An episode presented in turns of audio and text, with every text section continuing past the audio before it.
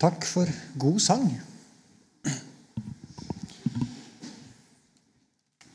Vi skal starte med å folde hendene, og så skal vi be sammen. Kjære Herre Jesus, vi takker for syndenes forlatelse. Og vi takker for at du er her hos oss i kveld.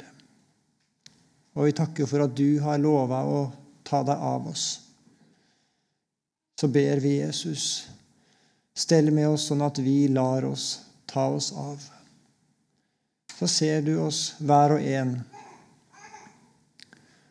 Og så takker vi for at vi kan få lov til å legge vår sak i dine hender. Så vil du det gode som vi hørte til åpning i dag, kanskje ikke sånn som vi hadde tenkt. Ja, ofte ganske sikkert ikke som vi hadde tenkt, men som du vet er av det gode. Kall på oss, du, Jesus, hver og en. Amen.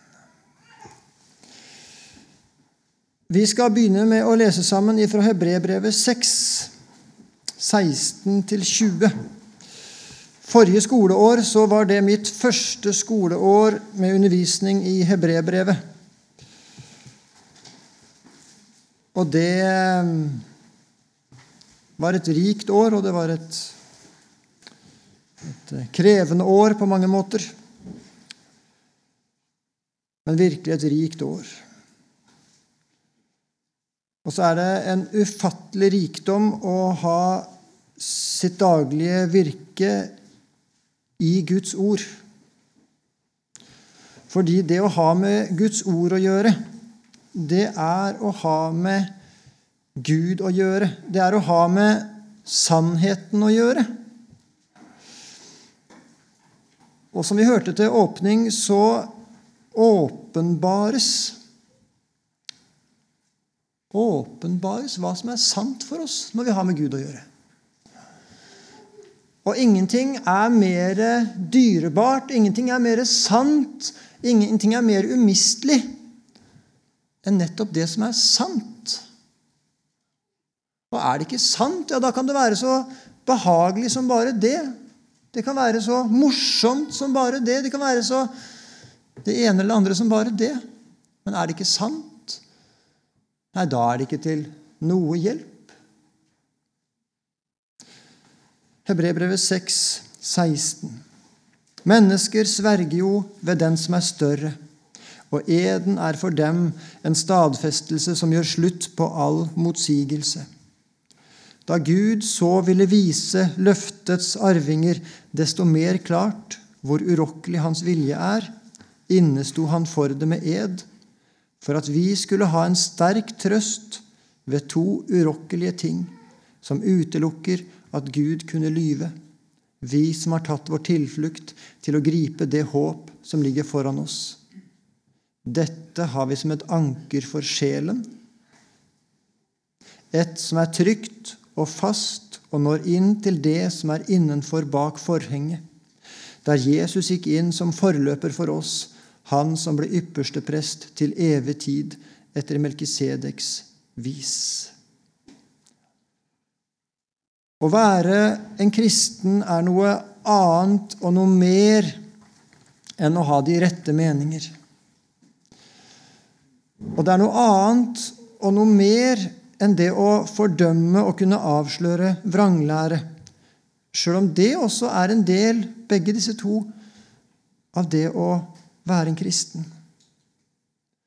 Men det å være en kristen, det er å ha en sterk trøst Det er å ha et anker for sjelen, et som er trygt og fast og når inn til det som er innenfor bak forhenget.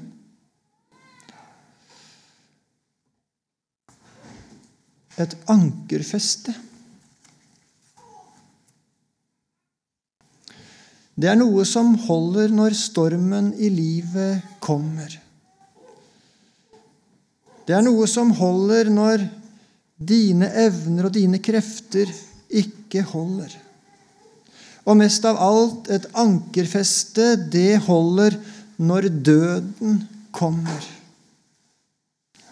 Og så er det mange mennesker som har et ankerfeste, et håp, som bare holder i godværsdager. Ja, Kanskje det holder i noen vonde dager også, men, men det holder ikke bakom døden. Og det håpet, det er ikke et sant håp. Det er egentlig et bedrag. Det er ingen sann hvile i det, sjøl om et menneskes hjerte kan slå seg til ro med det.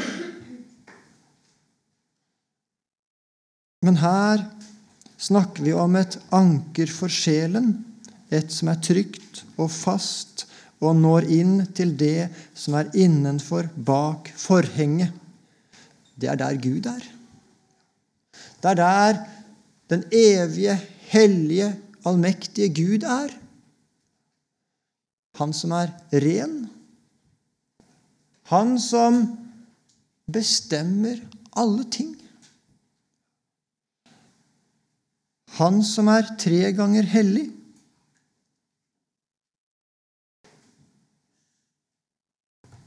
Overskriften over kveldens tale, det er Guds samtidighet. Gud, han er ikke sånn som du og jeg tenker at Gud er. Han er annerledes enn vi tenker oss Gud. Og mer enn det Gud, Guds vesen og alt med Gud Noe av det kan vi fatte noe av, men mye av det, det er en hemmelighet. Sånn at sjøl om vi har fått Gud forklart, sjøl om vi leser i Bibelen og har lest i Bibelen, ja, kanskje du har lest i Bibelen hele ditt liv, så er det likevel noe som du ikke er i stand til å forstå. Noe du ikke er i stand til å gripe med fornuften. Troen har en forstand som forstanden ikke forstår. Og også et troende menneske, sjøl om det gjennom troen får se noe av det som er skjult hos Gud For Gud han åpenbarer seg gjennom Skriften, så er det likevel noe som, som vi ikke er i stand til å forstå. Ikke i stand til å plukke fra hverandre, sånn at vi kan putte det i bokser og få det til å passe inn i våre mønster, i vår forstand. Ja, sånn er Gud. Ja, sånn er Guds rike. Sånn er Guds Jeg stansa litt ved det på nyttårsleiren nå sist. Og jeg vil prøve å stanse litt ved det også i kveld. En av disse Guds samtidigheter, det er det at Gud, han er god. At Gud, han er kjærlig. Han elsker menneskene. Og samtidig så er han en fortærende ild og har en hellig vrede over synden og all ondskap samtidig. Og så kommer menneskets fornuft. Ja, Hvis Gud er kjærlighet, hvorfor må noen da gå fortapt? Ja, Det skjønner ikke du og jeg. Og så sier noen at en sånn Gud vil ikke jeg tro på. En sånn Gud kan ikke jeg tro på. Men sånn er ikke Gud at han tilpasser seg hva vi mennesker kan tro på. Hva vi kan få til å passe inn hos oss. Gud, han er samtidig. Og det betyr at mange mennesker som Gud er død for, som Gud elsker, de går fortapt. Og de går ikke fortapt fordi han hater dem. De går fortapt fordi de ikke har omvendt seg, fordi de ikke har del i syndenes forlatelse. Derfor går de fortapt. Gud er samtidig. Og hvis vi ikke bøyer oss for Guds samtidighet, så skaper vi en en religion, menneskets vei til Gud, som ikke frelser. En annen samtidighet, og den vil jeg stanse litt lenger ved, det er lov og evangelium. Og det er fristende for oss mennesker å lage et mønster ut av lov og evangelium. Og jeg skal ikke stanse disse mønstrene lenge. Men det er lett å tenke det at loven den skal skape alvoret, og så, så bruker man loven først, og så kan evangeliet komme etterpå.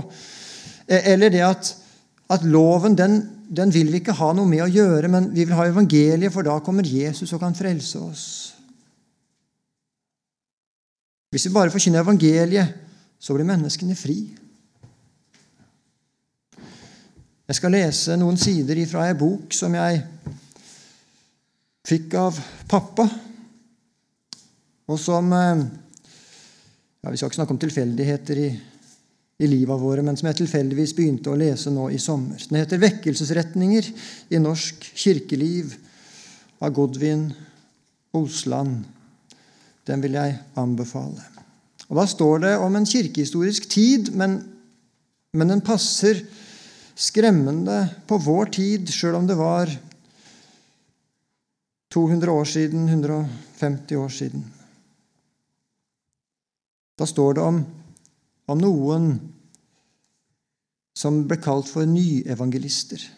Nyevangelisme. Og de blanda sammen rettferdiggjørelse og forsoning. Helt kort så er forsoning at Gud er en forsonet Gud. Det betyr at Jesus er død for verdens synder. Og rettferdiggjørelse, det er at det enkelte mennesket får del i dette. At det blir mitt. At det er noe som jeg tar min tilflukt til. Det er en omvendelse som skjer. Det skapes en tro. Det er et nytt liv som skapes i dette hjertet.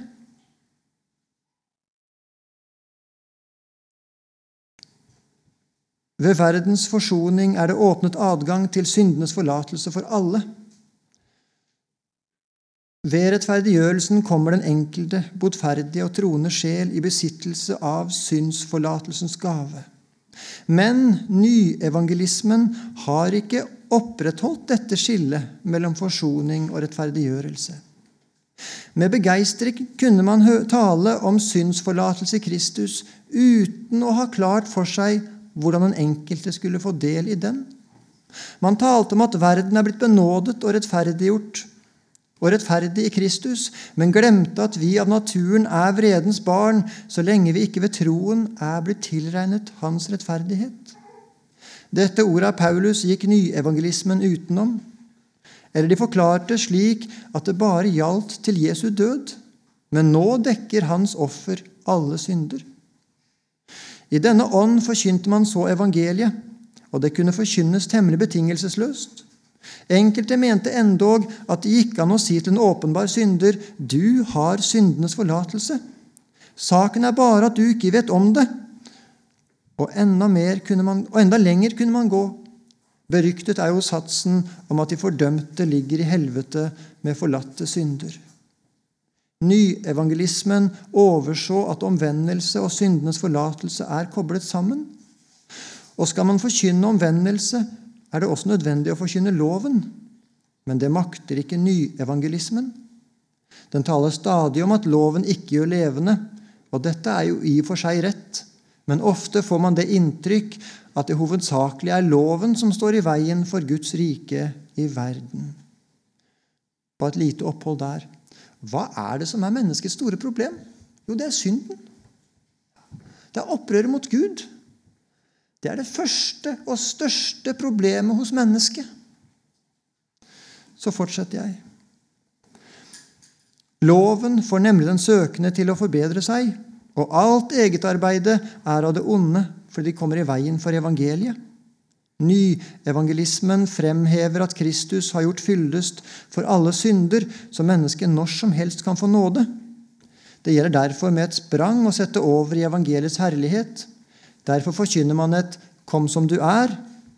Dette 'kom som du er' Denne 'kom som du er'-forkynnelse kan nok virke befriende for mennesker som har vært under loven, men den vil virke til overfladiskhet hos de som ikke har vært det.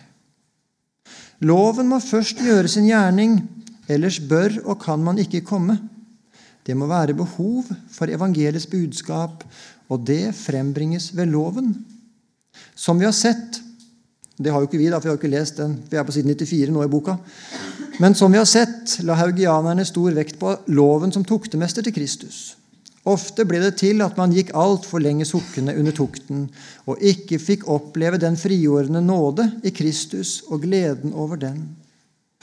Det var nok en mangel ved denne kristendomsform, men overfor nyevangelismen må man hevde med de gamle lærefedre og Gisle Jonsson at den søkende tro også frelser, så sant den er oppriktig og søker sin frelse i Kristus. Det er ikke frelsesvissheten som frelser, men Kristus. Nyevangelistene kunne ikke med god samvittighet forkynne lovens formaning til omvendelse. Man mente at de uomvendte bare hadde lovtrellens vilje. Og hva hjalp det så med formaninger? Det ville jo bare resultere i mer lovtrelldom. Nyevangelismen så bort fra det, det de gamle kalte den forekommende nåde. Og her står vi ved et viktig skille. Og så skriver han videre om det at lov og evangelium de virker sammen. De må virke sammen, samtidig. Det er ikke sånn at vi i begynnelsen bare har med loven å gjøre, og så plutselig hører evangeliet og tar imot det. Samtidig med at mennesket hører lovens krav og går inn under dens dom, så kommer også stråler av evangeliets lys inn i sjelen og skaper et håp om nåde. Det er en samtidighet her. En samtidighet som det er helt nødvendig at et menneske møter, og et menneske lever under. Lov og evangelium. Ja, men, men loven kan jo ikke skape troen. Nei, det er helt sant. Men hva kan loven gjøre? Jo, loven den kan skape behov for å bli fri fra synden. Og det klarer verken loven eller evangeliet alene. Det må disse gjøre samtidig. En tredje samtidighet, det er en kristen er samtidig synder og rettferdig. Er du en kristen, så er du en synder. Det er helt sant. Og så er du samtidig ren for Gud som om du aldri hadde gjort en eneste synd. Samtidig. Jammen, er det så lett å si. Jammen, der er du og jeg. Jammen. Og så må vi bare bøye oss for Gud og si ja, sånn er det, Gud. Du har rett. Samtidig så er det en samtidighet til. Det er samtidig frelsesfryd og syndenød samtidig. Å være en kristen, det er å lide under hvem jeg er. Og det er å fryde meg over at i Jesus Ja, i Jesus har jeg alt. I Jesus er jeg fri fra hva jeg er i meg.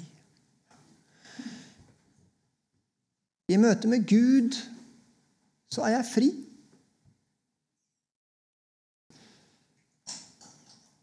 En femte samtidighet, samtidig den samme synder. Og samtidig et nytt liv. Og det henger jo sammen med det forrige. Samtidig synder og rettferdig. Det blir aldri slutt på at du er en synder. Syndene du har, de vil kanskje forandre seg noe gjennom livet. Men synden vil alltid være noe ditt gamle menneske har sin kjærlighet til. Den vil alltid være søt på en eller annen måte. Ditt gamle menneske og synden hører sammen. Gjør det. Blir ikke kvitt det. Men du skal ikke leve etter det. Det er ingen frihet der. Det er et fangenskap å bli værende i det. Men lysten, den er der. Og så er det en vekst i renhet og hellighet samtidig som du er en synder. Ja, men er det ikke enten Ja, sånn tenker det naturlige mennesket. Da må du være Men det er ikke sånn. Det er samtidig. En kristen er samtidig synder og rettferdig. Og det er en forferdelig ting for en kristen å være en synder. Det er den største av alle sorger. For en kristen så er det ikke de andre synder som er de store problemet, men det er hvem jeg er. At det er noe i meg som fortsatt elsker synden, det som ødelegger, det som bedrar.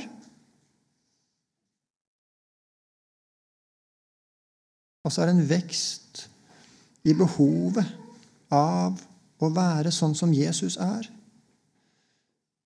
En vekst i gleden over det som er rent, det som er godt. Og Den sjette samtidigheten den henger sammen med den forrige, men den er ikke helt lik, syns jeg. Samtidig så er det Jesu verk alene og en omvendelse. Ja, men omvendelsen også er Jesu verk alene. Ja, det er den. Ja, det er den. Samtidig så er det noe nytt der.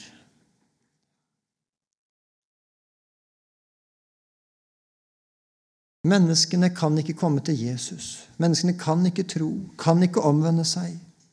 Og Samtidig så kaller Jesus oss til å komme, til å tro på Han, til å vende om. Hva er omvendelse? Jeg skal lese fra Øyvind Andersen 'Livets brød'.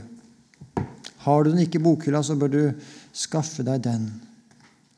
Hva er omvendelse?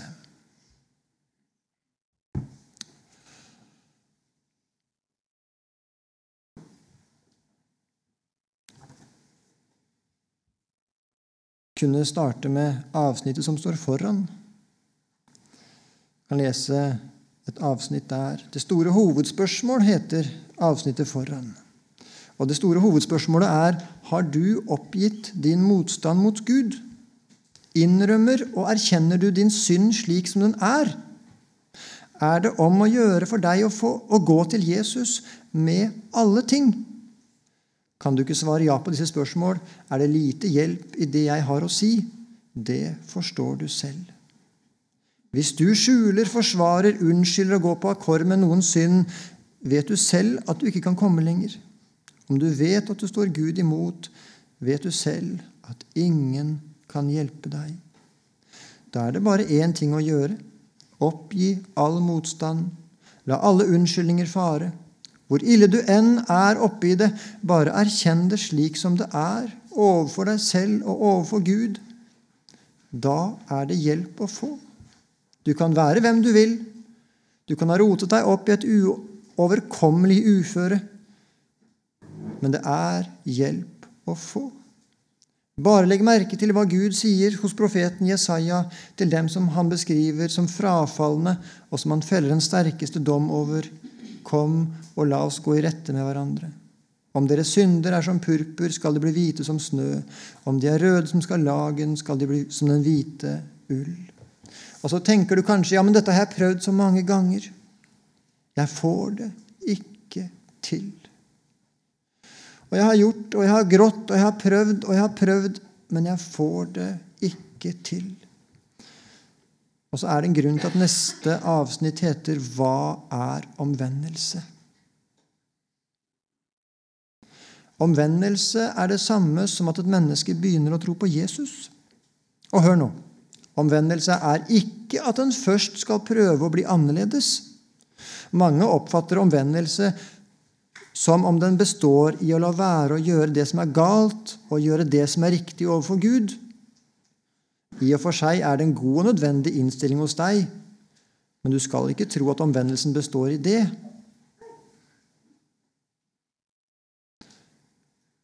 Omvend dere, for himmelens rike er kommet nær, står det i Matteus. Og det heter i Markus.: Omvend dere og tro på evangeliet.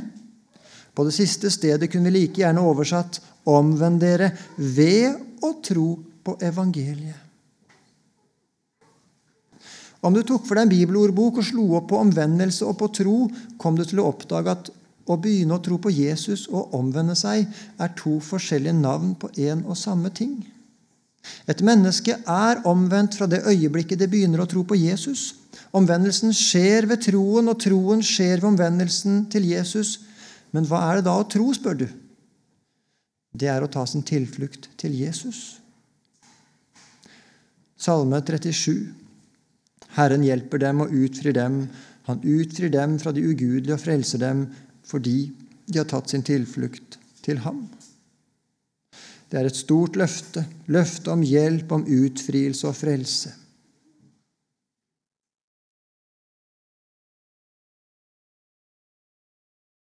Omvendelse, det er når et menneske mister troen på seg selv og tar sin tilflukt til Jesus. Dette skaper Gud.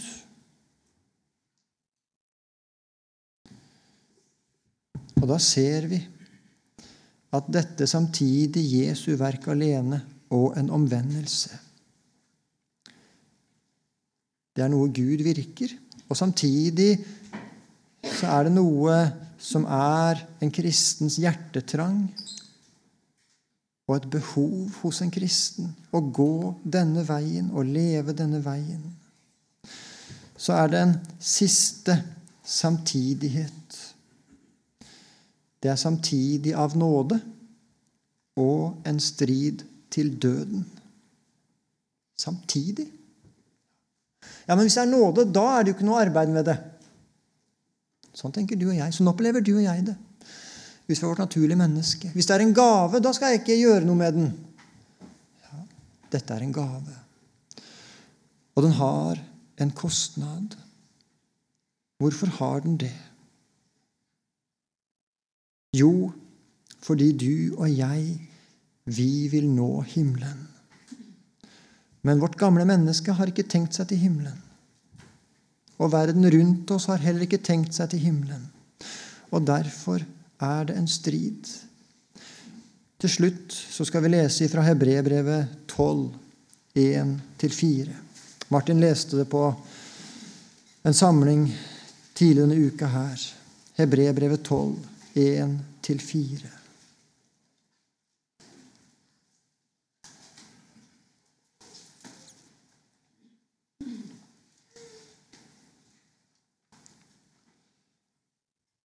Hebrebrevet 12, 1-4. Så la oss derfor, da vi har en så stor sky av vitner omkring oss, legge av alt som tynger, og striden som henger så fast ved oss, og løpe med tålmodighet den kamp vi har foran oss, med blikket festet på Jesus, Han som er troens opphavsmann og fullender. For å oppnå den glede som ventet ham, led han tålmodig korset uten å vakte vann, akte vanæren, og har nå satt seg på høyre side av Guds trone. Ja, gi akt på ham som utholdt en slik motstand fra syndere, for at dere ikke skal gå trett i deres sjeler og bli motløse. Ennå har dere ikke gjort motstand like til blodet i deres kamp mot synden. Nåde, hva betyr det?